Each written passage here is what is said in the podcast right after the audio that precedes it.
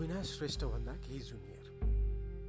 असमिया कवि मेजिस्ट्रेटकी छोरी अग्ली गाउँगोरी श्यामल पर्णकी निकै हिस्सी परेकी सावित्री शैकिया। अविनाश र सावित्रीको प्राय कवि भेट भइरहने। कोमल तर विद्रोही चेतनाले भरिएको कविता लेख्ने सावित्री शैकियालाई पहिलो पटक यो कविता असमियामा उल्टा गरेर सुनाउँदा सावित्री निकै उदास बने। अविनाश भन्छन्। प्रतिक्रिया स्वरूप सावित्रीले बोलेका शब्दहरूको आशय लगभग यस्तै यस्तै थियो। बरबिया लागिसे नहे अविनाश दा अपना मैजु आजी अकनमान लज्जित थलो एज आसामिज। तपाईँलाई निकै नरमाइलो लागेको छ होइन अविनाश दाई? म पनि आज लज्जित अनुभव गरिरहेको छु आफू असमिया भएकीमा। नङ मासु झै मिलेर बसेको नेपाली समुदायमाथि असमिया समुदायबाट भइरहेको अत्याचारले आफूलाई ग्लानीबोध आशय सावित्री सैकियाले प्रकट गरे।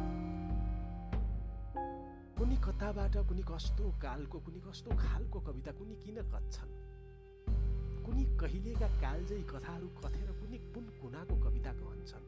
कुनै कस्तो कायामा कुनै कहाँको कहानी कुनै कति करोड कुरामा कोट्याउँछन्? कुनै कुन अपरिचित गाउँकी नयनतारा बरुवा। कवि अविनाश श्रेष्ठको श्रेष्ठ कविता। हाम्रो समयकै सबभन्दा श्रेष्ठ कविता।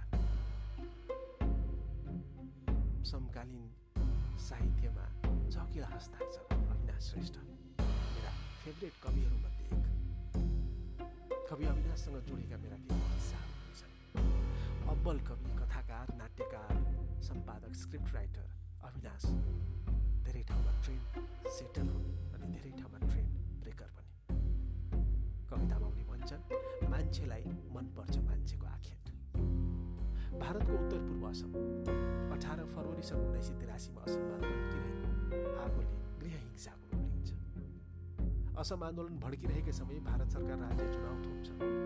प्रधानमन्त्री इन्दिरा गान्धी चालिस लाख बङ्गलादेशीलाई भोट खसाल्ने हक दिन्छन् असमका पहाड पर्वत कन्दराहरूतिरका बासिन्दा आदिवासी जनजातिहरूको प्रतिक्रियामाथिको काउन्टर प्रतिक्रियाको रूपमा यो आगो तन्कन्छ असमका आदिवासीहरू स्वाधिकारमा हनन भएको विरोधमा उन्मत्त बन्छन् बौलाहा बन्छन् सडक सडक ओर्लन्छन् नील हिंसा नामले कुख्यात छ घन्टे घटनामा बाह्र गाउँका दुई हजार एक सय एकानब्बे निर्दोष मानिस मारिन्छन् दोस्रो विश्वयुद्धपछिकै ठुलो मानव हिंसामा गरिएको यो घटनामा कुटिएका बलात्कृत भएका घर जलाइएका भगाइएका हत्या गरिएका कुनै कुन अपरिचित गाउँका नयनतारा बरुवाहरूको विभत्स कोलाज मार्मिक कविता अविनाशका मास्टरपिस कविता करोडौँ सूर्यहरूको अन्धकार।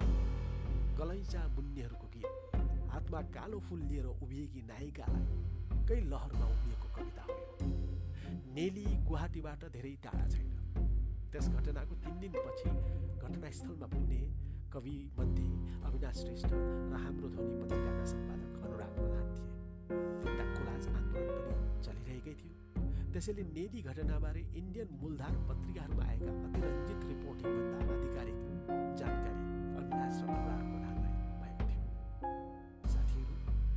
मानव समाजको विक्षिप्त समयको साक्षी त्यही कविता म तपाईँहरूका लागि पेस गर्न कुन्नी कुन अपरिचित गाउँकी नयन तारा बरुवा। रिहा मेखेलामा सजिएकी कुनी कुन गाउँकी नयन तारा बरुवा सधैँ आउँछिन् मेरा सपनामा र भन्ने गर्छिन्।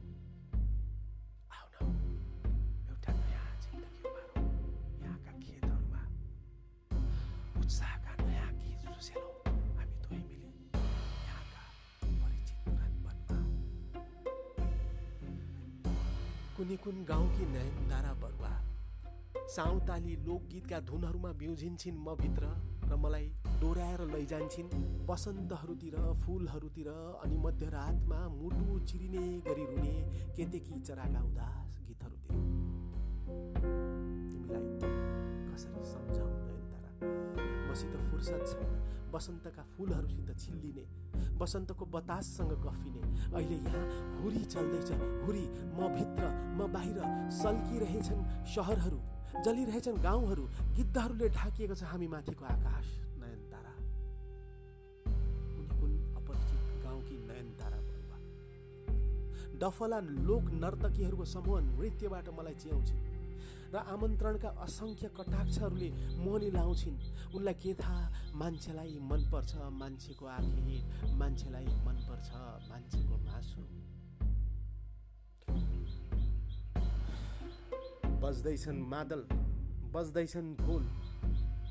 नाच्दैछन् खुट्टा हाँस्दैछन् आँखा जलिरहेछन् गाउँ बजिरहेछन् बुध कबाज खेल्दै हिँडिरहेका छन् उजाडिँदैछन् घर चिहिरिँदैछन् खेतबारी रुँदैछन् नदी भत्किँदैछन् पुल बज्दैछन् मादल नाच्दैछन् खुट्टा आलाप बिलापले भरिका ट्रकहरूले काटिरहेछन् मध्यरातमा सुटुक्क सिमाना। मध्यरातमा आखेट गर्न निस्किन्छन् ट्रकहरू अनि हराउँछन् हर्कध्वज गाउँ बुढाका जहान। अनि भेटिन्छ बलात्कारले मरेकी मालतीको लास डिङ्गाहरूसितै सल्काइन्छन् कोठहरू आँखाहरूसित चलाइन्छन् सपनाहरू सशरीर टडाइन्छन् राको बालेर हिँडिरहेको जुलुस माझबाट शङ्ख ध्वनि चाहिँ निस्केर भित्र गाडिँदै गाडिँदै गाडिँदै जान्छन् कुनै कुन अपरिचित गाउँकी नयन तारा परुवा गहपुर हो कि नेली हो राजबारी हो कि जहमारी दिउँसै हिँड्छन् कालो घोडामा चढेर झाँक्री एका बिहानै निस्किन्छन् घरहरूबाट हिंसक नरभक्षीहरू। मुखमा रगतको स्वाद हातमा खुडा आँखामा विक्षिप्त घृणा मान्छेको रगतको माथ चढेका मान्छेहरू। बोक्सीले टोके चाहिँ निलडाम बोकेका सपनाहरू। अपुताली परेको घरमा ओत लाग्न आएका यी हुचिल कराए जस्ता विभत्स दुस्वप्नहरू। मुगा मेखेला चादरमा सजिएर सलज्ज मलाई हेरिरहेकी कुनै कुन अपरिचित गाउँकी नयन तारा बरुवा। मलाई आफ्ना निष्कपट मुस्कानका नाम घरहरूतिर डोर्याउँछिन्। मलाई आफ्ना निष्पाप आमन्त्रणका नदी घाटहरूमा बोलाउँछिन्। तिमीलाई तिमीलाई कसरी सम्झाउ नयन तारा? हृदय भन्दा ठुलो सत्य मेरो निम्ति विदारक यथार्थका घाइते दृश्यहरू तिमी र म माझ विशाल नदी बनी प्रभावित छ बेला म फड्केर पारी जान सक्दिनँ तिमी पौडेर वारी आउन सक्दिनौ। नयनतारा तिमीलाई कसरी सम्झाउ नयनतारा तिमीलाई कसरी सम्झाउ? हृदयभन्दा ठुलो सत्य।